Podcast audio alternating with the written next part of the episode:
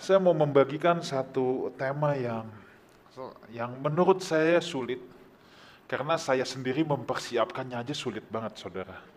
Dan saya berdoa bahwa saudara bisa mengerti, bisa memahami, bisa menangkap apa yang saya mau sampaikan ini. Saya mau bicara tentang waktu, tentang waktu. Kita buka dulu Efesus pasal yang kelima ayat yang ke-16. Dan pergunakanlah waktu yang ada. Karena hari-hari ini adalah jahat.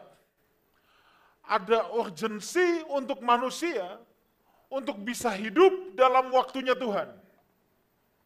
Ada sebuah kondisi yang sangat mendesak untuk manusia bisa mengerti waktunya Tuhan. Kata pergunakanlah waktu atau kata pergunakan itu berasal dari kata Yunani exagorazo. Exagorazo. Saya suka untuk kata exagorazo ini dalam bahasa Inggris kalau saudara punya terjemahan King James atau NIV, maka yang ditulis gini, redeem your time. Tebus waktumu. Uh. Itu selain redeem, buy up, memborong.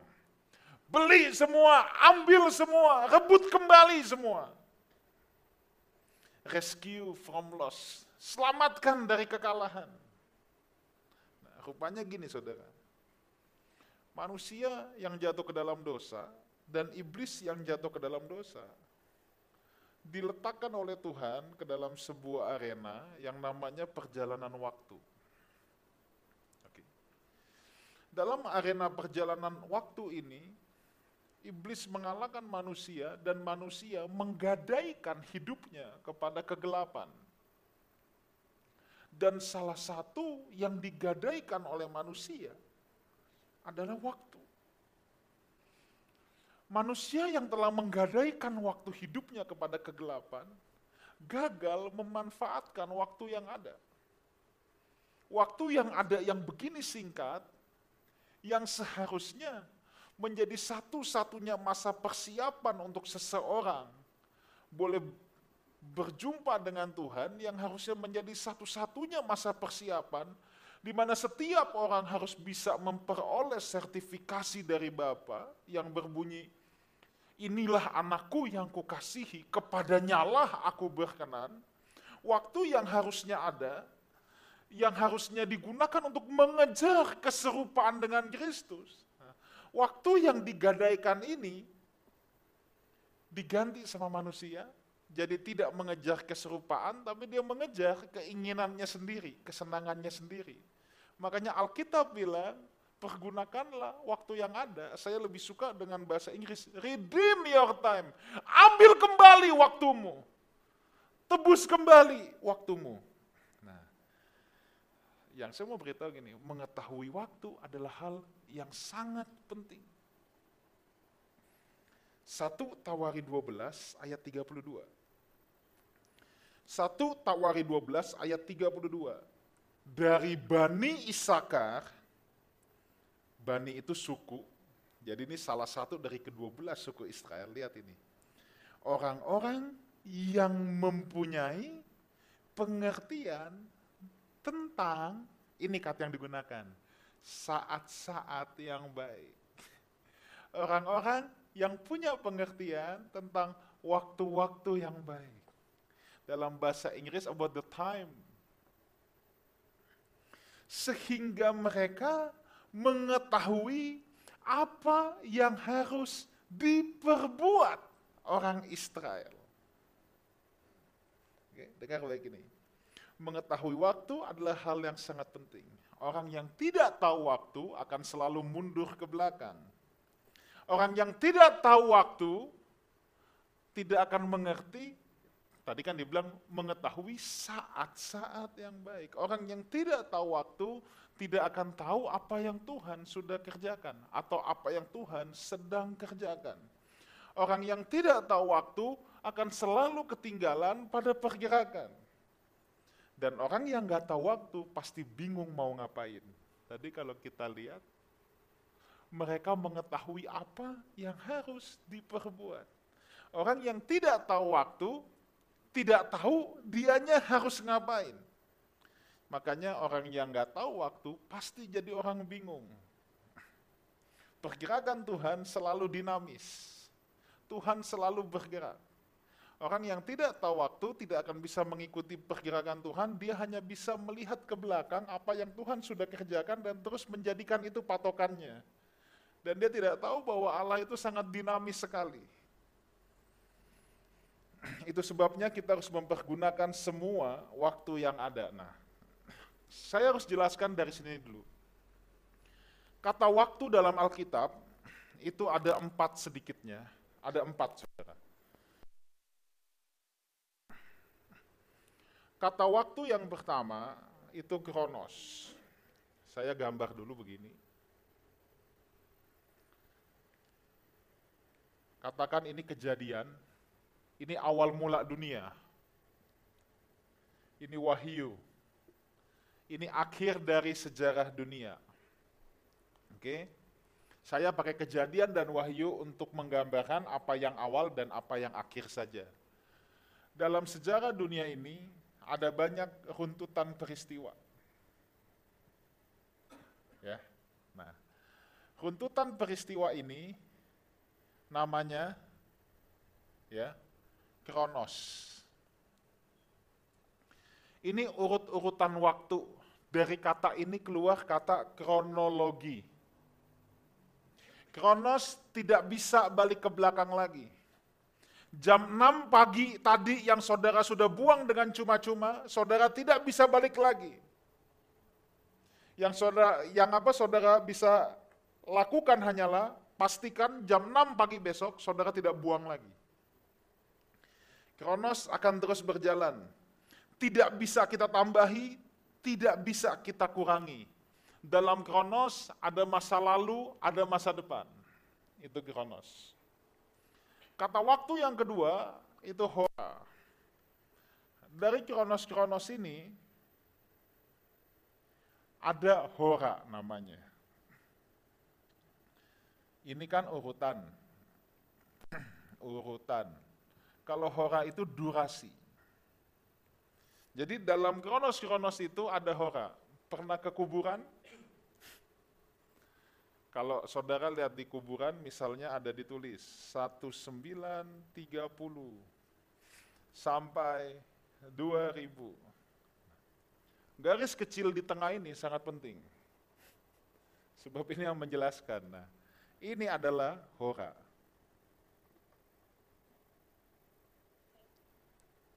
Ini durasi Ini, ini durasi.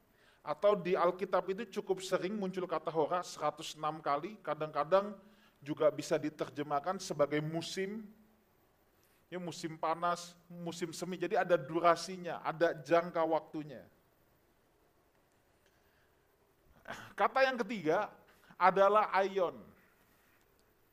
Saya gambarkan begini, kalau untuk ion. Aion itu terjemahan bebasnya dalam kata benda waktu yang sangat panjang, waktu yang sangat lama. Kadang-kadang dalam Alkitab sejak zaman purba kala sampai masa yang akan datang. Sebenarnya aion ini punya kata sifat. Aioneos Waktunya Tuhan selalu yang dipakai itu ini. Kenapa saya nggak pasang begini tapi dari ujung ke ujung? Sebab ini sebenarnya kekekalan. Dari dulu sampai selama-lamanya. Kronos ada di dalam sini. Nah, saya mau masuk ke bagian yang saya bilang saya paling sulit menjelaskannya. Dan sebenarnya malam ini semua tentang ini. Ini saya kasih landasannya dulu, yang keempat, ada yang namanya ini, kairos.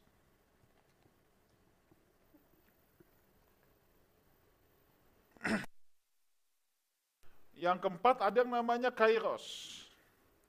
Sulit sekali untuk mendefinisikan apa itu kairos. Muncul 85 kali dalam perjanjian baru. Dalam bahasa Indonesia pun berganti-ganti. Bisa kesempatan, bisa waktu, terjemahannya. Orang banyak bilang itu momentum. Nanti saya akan berikan definisi saya tentang apa itu kairos. Tapi saya mau saudara buka dulu satu ayat yang sangat unik menurut saya. Pengkhotbah 9 ayat yang ke-11. Kita agak belajar ya pada malam hari ini. Saya berdoa saudara bisa mengerti apa yang saya maksudkan. Lagi aku melihat di bawah matahari. Kemenangan perlombaan bukan untuk yang cepat. Keunggulan perjuangan bukan untuk yang kuat katanya. Roti bukan untuk yang berhikmat tuh. Kekayaan bukan untuk yang cerdas. Karunia bukan untuk yang cerdik cendekia, lihat. Kemenangan bukan untuk yang cepat. Nah ini, karena waktu dan nasib dialami mereka semua. Nah kata waktu dan nasib ini, kalau diterjemahkan ke bahasa Yunani sama Septuaginta, LXX, digunakan kata ini, kairos. Dalam bahasa uh, dalam bahasa Inggris digunakan kata ini. Time and chance.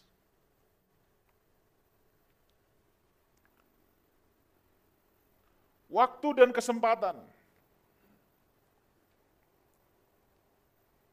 Kalau di Indonesia, waktu dan nasib. Kemenangan bukan untuk yang cepat. Pernahkah saudara melihat dalam sebuah pertandingan di mana yang diunggulkan, yang udah di atas angin, tapi nggak taunya ada-ada aja, ya pokoknya bukan dia yang menang. Maka orang sering kali bilang kairos itu kesempatan atau sebuah momentum. Kalau saya boleh mendefinisikan bahwa kairos adalah gini, apa yang saya pahami Waktunya Tuhan itu aineos. Manusia bergerak di kronos. Nah ini, kairos adalah ketika waktunya Tuhan mau menerobosi waktunya manusia. Kalau saya gambar begini, ini kairos. Nanti saya kasih lihat saudara kisah-kisahnya dalam Alkitab. Ya memang kadang-kala kalau mau diterjemahkan kesempatan atau momentum ya boleh juga.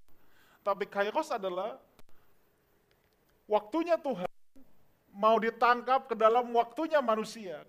Ketika Tuhan menerobosi manusia, itu kairos, itu yang harus kita tangkap. Nah, Efesus 5 ayat 16 tadi, pergunakanlah redeem your time, waktu yang ada, kata waktu di situ juga juga apa digunakan kata kairos. Sekarang saya mau tunjukkan buat saudara kisah-kisah dalam Alkitab orang-orang yang selalu memanfaatkan kairos. Ada juga orang yang membuang kairos, hampir aja dia tidak bisa balik lagi. Contoh yang pertama, Yakub adalah orang yang pandai memanfaatkan kairos.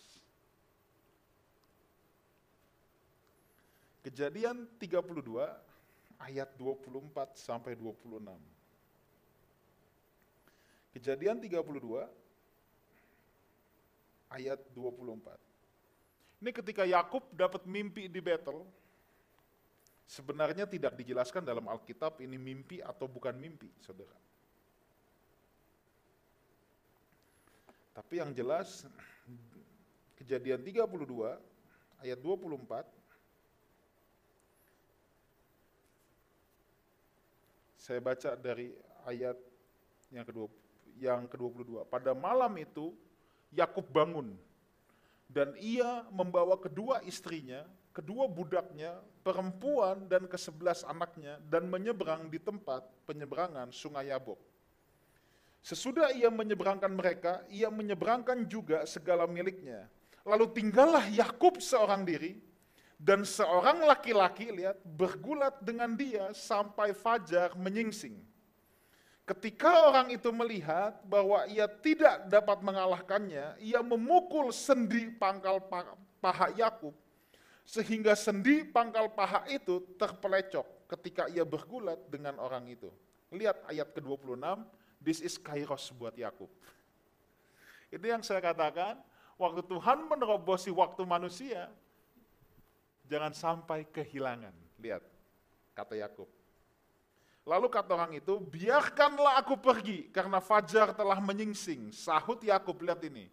Aku tidak akan membiarkan engkau pergi jika engkau tidak memberkati aku. Dan sejak itu kalau kalau saudara terus baca ke bawah, di peristiwa inilah nama Yakub diganti jadi Israel. Yang artinya God wrestler.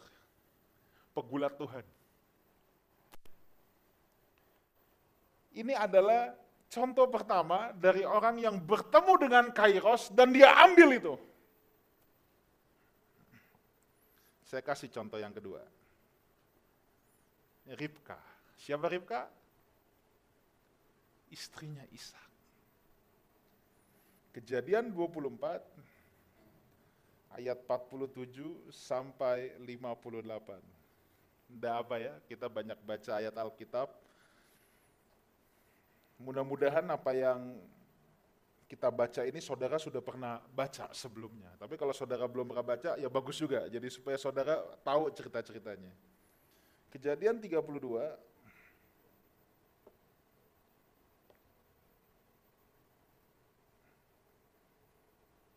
sorry, 24 ayat 47. Kejadian pasal 24, ayatnya yang, yang ke-47. Jadi Abraham suruh pesuruhnya untuk mencari seorang wanita untuk dijodohkan dengan Ishak. Sesudah itu aku bertanya kepadanya, anak siapakah engkau? Jawabnya, ayahku Betuel, anak Nahor yang dilahirkan Milka. Lalu aku mengenakan anting-anting pada hidungnya dan gelang pada tangannya. Kemudian berlututlah aku, ini pesuruhnya Abraham, dan sujud menyembah Tuhan, serta memuji Tuhan Allah Tuanku Abraham yang telah menuntun aku di jalan yang benar, untuk mengambil anak perempuan saudara tuanku ini bagi anaknya. Jadi sekarang, apabila kamu mau menunjukkan kasih dan setia kepada tuanku itu, beritahukanlah kepadaku. Dan jika tidak, beritahukanlah juga kepadaku, supaya aku tahu entah berpaling ke kanan atau ke kiri. Lalu Laban dan Betuel menjawab, Semuanya ini datangnya dari Tuhan. Kami tidak dapat mengatakan kepadamu baik dan buruknya. Lihat, manusia selalu menghitung untung rugi. Tapi dengar baik ini dalam perkara rohani, jangan menghitung untung rugi untuk perkara rohani. Jangan menghitung untung rugi untuk perkara rohani. Tapi lihat, ada respon yang baik dari Laban dan Betuel. Lihat Ribka ada di depanmu, bawalah dia dan pergilah supaya ia menjadi istri anak tuanmu seperti yang difirmankan Tuhan, katanya. Ketika hamba Abraham itu mendengar perkataan mereka, sujudlah ia sampai ke tanah menyembah Tuhan. Kemudian hamba itu mengeluarkan perhiasan emas dan perak serta pakaian kebesaran dan memberikan semua itu kepada Ribka juga kepada saudaranya dan kepada ibunya diberikannya pemberian yang indah-indah. Sesudah itu makan dan minumlah mereka, ia dan orang-orang yang bersama-sama dengan dia, dan mereka bermalam di situ. Paginya sesudah mereka bangun, berkatalah hamba itu, lepaskanlah aku. Lepaslah aku pulang kepada tuanku. Lihat ini, ayat 55. Tetapi saudara Ribka berkata, serta ibunya juga, biarkanlah anak gadis itu tinggal pada kami sepuluh hari lagi baru engkau boleh pergi. Ayat 56. Jawab pesuruh Abraham, jangan tahan aku, sedang Tuhan telah membuat perjalananku berhasil. Lepaskan aku, aku mau pulang sama Tuanku.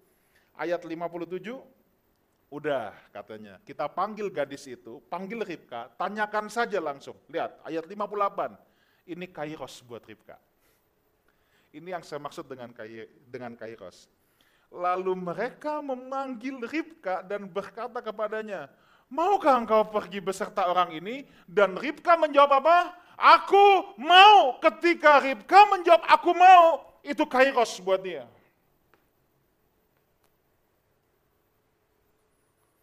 Orang tidak bisa menunda kairos.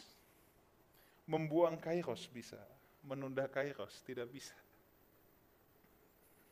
Di Alkitab banyak saudara kisah-kisah seperti ini. Kairos adalah ketika waktu Tuhan mau menerobosi waktu manusia.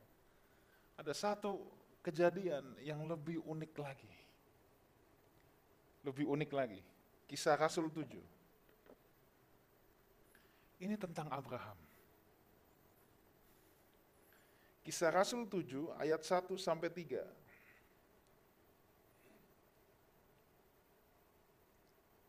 Saya harap saudara memperhatikan setiap ayat yang dibuka, sebab ini banyak pelajaran rohaninya. Saya baca dari ayat yang kedua, jawab, jawab Stefanus, Hai saudara-saudara dan bapak-bapak, dengarkanlah Allah yang maha mulia telah menampakkan dirinya kepada bapak leluhur kita Abraham ketika ia masih di Mesopotamia. Sebelum ia menetap di Haran.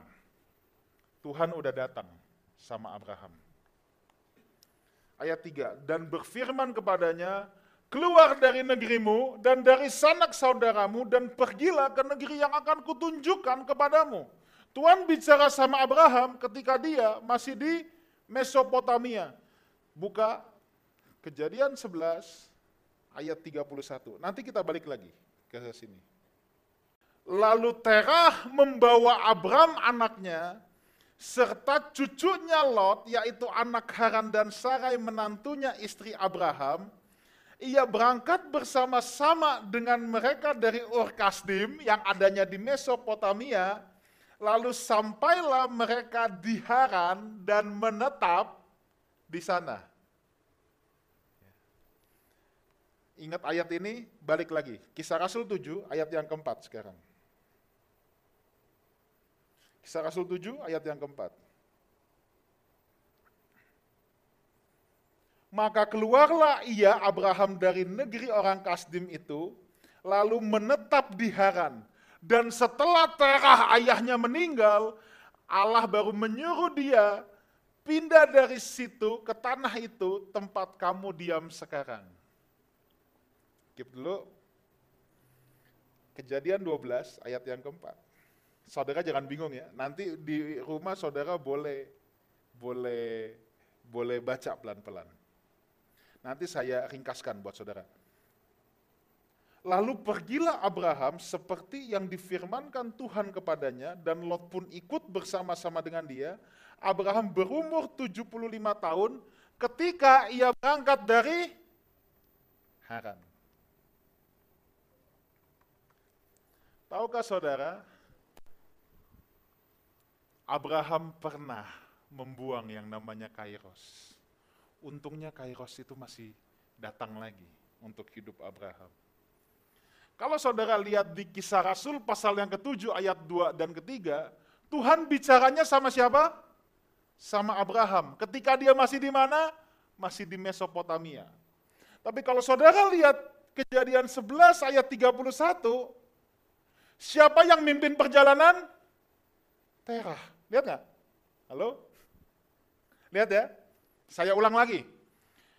Tuhan berikan visi untuk Abraham ketika dia masih di Mesopotamia. Ini Tuhan bicara pertama kali. Saya nggak pernah bahas ini, saya yakin. Dan saya nyaris nggak pernah orang mendengar orang membahas ini. Tapi perhatikan nih, Tuhan bicara sama Abraham pertama kali, kisah Rasul 7, ayat 2 dan 3, di Mesopotamia. Tuhan suruh Abraham pergi. Kejadian 11 ayat 31, yang mimpin perjalanan dan pergi adalah Terah, papanya Abraham. Siapa yang Tuhan kasih visi? Abraham. Tapi Abraham kasih tongkat itu, suruh Terah yang mimpin. Akhirnya dia nggak pernah ke mana-mana sampai di Haran stop. Dan dengar begini, Tuhan nggak bicara lagi sama Abraham. Kalau saudara lihat di kejadian 7 ayat 4, Tuhan diam, dia tunggu sampai terah mati. Baru Tuhan bicara lagi yang kedua kali. You get it?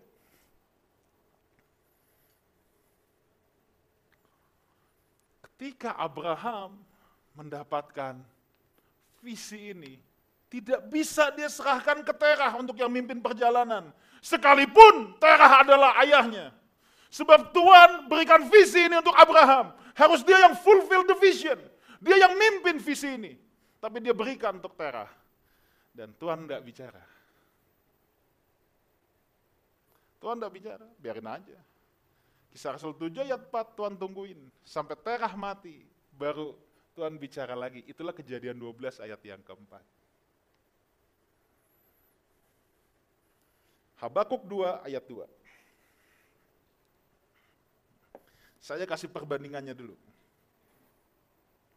Lalu Tuhan menjawab aku demikian. Tuliskanlah penglihatan itu dan ukirlah itu pada loh-loh supaya orang sambil lalu dapat membacanya. Saya lebih senang mendengar terjemahan bahasa Inggris. He may run who read it. Dengar baik ini. Kalau saudara menangkap kairos Tuhan, menangkap kehendak Tuhan, nanti kalau saudara baca di Efesus 16 ayat 17, kan yang 16 tadi, usahakanlah mengerti apa eh, pergunakanlah waktu yang ada, ayat 17, usahakanlah untuk mengerti kehendak Tuhan. Kairos Tuhan dengan kehendak Tuhan selalu berjalan bersama. Dan Habakuk 2 ayat yang kedua itu bilang ini, He may run who read it. Orang yang menangkap kehendak Tuhan harus berlari langsung. Jangan ditunda, jangan disia-siakan. Jangan seperti Abraham. Dapat kesempatan, dia tunda. Untung Tuhan masih bicara lagi. Abraham melakukan kesalahan ini dua kali. Yang kedua adalah ketika Tuhan bicara sama dia, kamu akan kujadikan bangsa yang besar. Dan jelas loh, Sarah loh, dari Sarah. Abraham gak sabar. Diambil Hagar. Dia coba nolong Tuhan. Dia coba nolong Tuhan. Diambil Hagar. Dia pikir ini solusi. Tuhan daripada lama nih, saya kasih ya solusi yang praktis. Diambil Hagar. Apa yang terjadi? Betul lahir Ismail. It's true uh, Ismail lahir. Tapi guess what? Tuhan tidak bicara. Sama Abraham 14 tahun. Kena skorsing lagi, persis dulu. 14 tahun kemudian Tuhan baru bicara lagi. Jadi itulah jadi Abraham nunggu 25 years. Kalau Abraham dengan cepat menangkap Kairos, mungkin dia tidak menunggu sampai begitu lama. Dia mau coba tolong Tuhan. Kalau kita menangkap apa yang berasal dari Tuhan, berlarilah, jangan kehilangan momentum. Sebab kehendak Allah yang dilakukan dengan terlambat, kadangkala tidak ada artinya. Galatia 4 ayat yang keempat. Tetapi genap waktunya, maka Allah mengutus anaknya yang lahir dari seorang perempuan dan takluk kepada hukum Taurat. Ketika genap waktunya, Tuhan perlu ada, Tuhan menemukan ada yang siap. Ada Maria yang siap, ada Yusuf yang siap, ada Yohanes Pembaptis yang siap, lihat. Begitu kairos Tuhan turun, ada yang siap. Saya mau saudara bandingkan dengan Lukas 19 ayat 41. Tuhan menangisi Yerusalem ini. Ya, kita agak sedikit PA ya, enggak apa-apa. Yang penting saudara ngerti. Lukas 19 ayat 41, dan ketika Yesus telah dekat dan melihat kota itu, ia menangisinya. Katanya, Wahai, betapa baiknya jika pada hari ini juga engkau mengerti apa yang perlu untuk damai sejahtera kotamu. Kalau kamu tahu tuh kamu bagus katanya. Tetapi sekarang hal itu tersembunyi bagi matamu. Sebab akan datang harinya bahwa musuhmu akan mengelilingi engkau dengan kubu, lalu mengepung engkau dan menghimpit engkau dari segala jurusan. Dan mereka akan membinasakan engkau beserta dengan pendudukmu, dan pada tembokmu mereka tidak akan membiarkan satu batu pun tinggal terletak di atas batu yang lain. Ini. Karena apa? Engkau tidak mengetahui saat bila mana Allah melawat engkau. Dengar baik ini. Bagi Tuhan sebenarnya semuanya presence. Yang terikat itu adalah manusia. Kairos itu sangat unik, saudara. Tuhan bisa menerobosi manusia itu kapan saja. Sebab bagi Tuhan, semua waktu is now. Dia nggak punya past, dia nggak punya future. I am who I am. Aku adalah aku. Bagi Tuhan semuanya present. Persoalannya adalah ketika Tuhan mau menerobosi waktu manusia, apakah kita siap atau tidak? Itu persoalannya. Makanya Tuhan menangisi, kamu tidak siap, kamu tidak tahu bila mana Allah melawat engkau. Tadi yang di Lukas 19. Itu persoalan terbesar bahwa kita tidak siap ketika kairos Tuhan itu datang.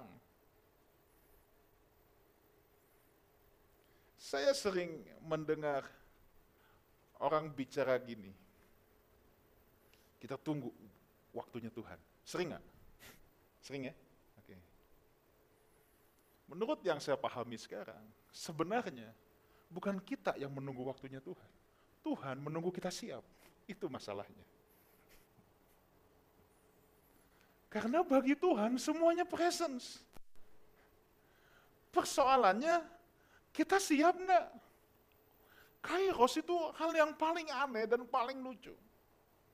Ada kisah di Alkitab yang sangat lucu. Saya tutup dengan kisah ini. Yohanes 2 ayat 4. Ini perjamuan di Kana, anggur habis. Ayat yang ketiga, ketika mereka kekurangan anggur, ibu Yesus berkata kepadanya, mereka kehabisan anggur. Ayat yang keempat, kata Yesus kepada Maria, mau apakah engkau daripadaku ibu? Saatku belum tiba, waktuku belum tiba. Itu ayat yang keempat. Lihat ayat yang kelima.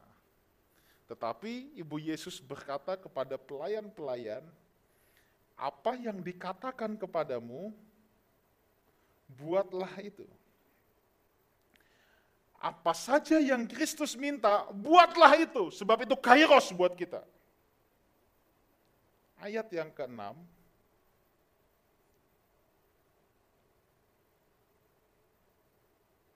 Di situ ada enam tempayan yang disediakan untuk pembasuhan menurut adat istiadat Yahudi. Masing-masing isinya dua tiga buyung. Ayat ketujuh. Yesus berkata kepada pelayan-pelayan itu, isilah tempayan-tempayan itu penuh dengan air. Kenapa saya bilang ayat ini lucu? Baru aja dia bilang, waktuku belum siap. Saya nggak tahu ini 5 menit, 30 menit, satu jam atau satu menit. Tiba-tiba dia suruh isi tempayan itu. That's how that's how kairos work. Tuhan baru bilang, enggak, belum, waktuku belum tiba. Bisa berapa menit kemudian, isi. Loh, gimana? Tapi itu kairos. Ketika waktu Tuhan mau menerobosi manusia. Tapi yang hebat gini, Maria tahu akan hal ini, dia cuma bilang, udah kalau dia ngomong, lu turutin aja. Apa pun yang Tuhan minta, turuti saja. Sebab itu bisa menjadi kairos buat kita.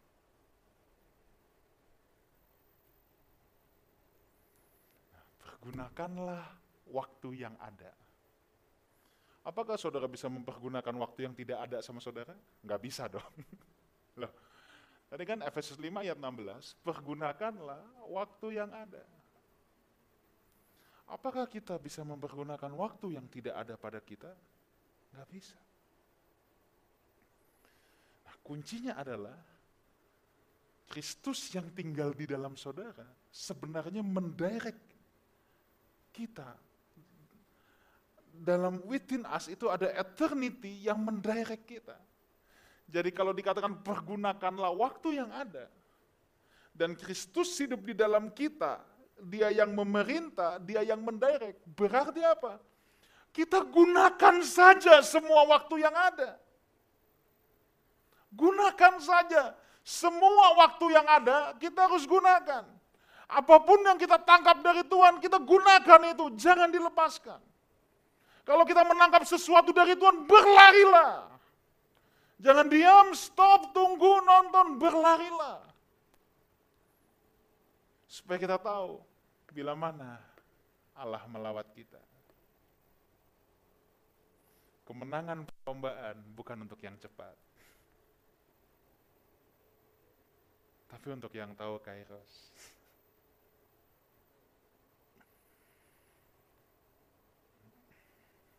Membuang menunda ketaatan sama dengan membuang kairos. Pergunakan saja semua waktu yang ada untuk mempersiapkan diri kita.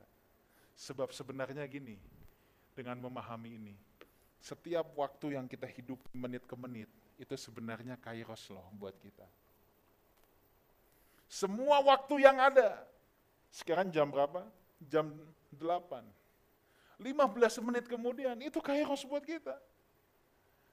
Satu jam kemudian itu kairos buat kita. Pergunakan saja semua yang ada. Pergunakan buat apa? Pergunakan untuk mempersiapkan diri kita. Makanya Alkitab bilang, tebus waktumu, ambil waktumu, redeem your time.